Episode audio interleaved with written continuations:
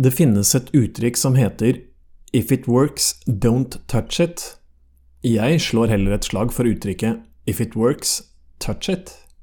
Hei, Martin her, og du lytter til Finnbull.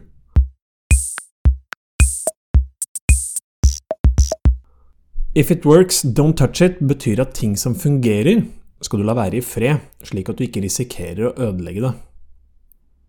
I teknologibransjen betyr det at fungerende kode og løsninger skal forbli urørt fordi det for øyeblikket fungerer som det skal. Og kjørende kode som fungerer, er selvfølgelig det man ønsker seg aller mest, for da går forretningen av seg selv. Ved første øyekast virker en slik tilnærming fornuftig. Hvorfor i all verden skal man tukle med noe som fungerer, og dermed tilføre risiko for at det slutter å fungere? Vel, det er flere årsaker til at du skal tukle med fungerende kode og løsninger.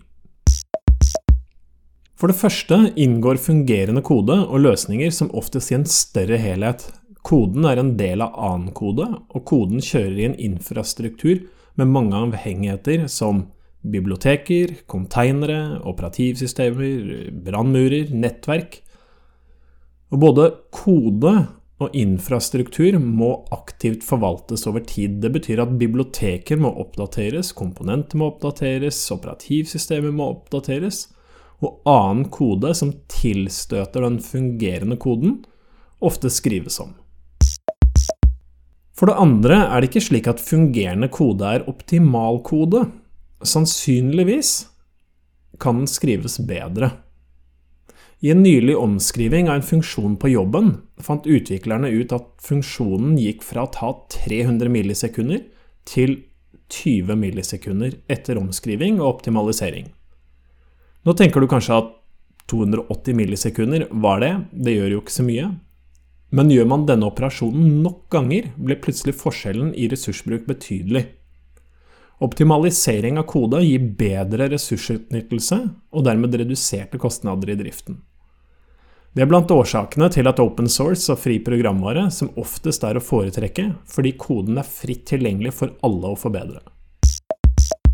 For det tredje må man før eller siden ta i fungerende kode, også dersom man har hatt som prinsipp å ikke røre den. Den dag i dag så finnes det kobolkode i drift i kritisk norsk infrastruktur. Den fungerer, men den er vanskelig å forvalte fordi programmeringsspråket tilhører en helt annen tid og ikke er fremtidsrettet. Den har blitt liggende urørt nettopp fordi noen har ment at fungerende kode ikke skal røres, og nå betaler de prisen. Å finne kompetanse til gamle løsninger blir stadig vanskeligere og dermed dyrere, og til slutt risikerer man å sitte på fungerende kode som ingen klarer å ta i, og dermed utgjør en stor risiko hvis den plutselig en dag ikke fungerer lenger, eller man trenger å endre den av forretningsmessige hensyn.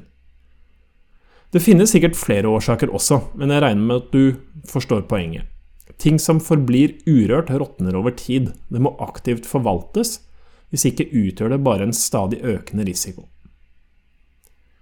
Men nå trenger jeg din hjelp. Jeg trenger hjelp til å dele erfaringene i Finnbull. Jeg trenger din hjelp til å dele Finnbull med minst én venn. Én venn hvor du tenker 'dette tror jeg du vil ha nytte av'. Be dem om å besøke fimbul.tech. fimbul.tech. Tusen takk for at du lytter til Fimbul, og for at du deler. Vi høres!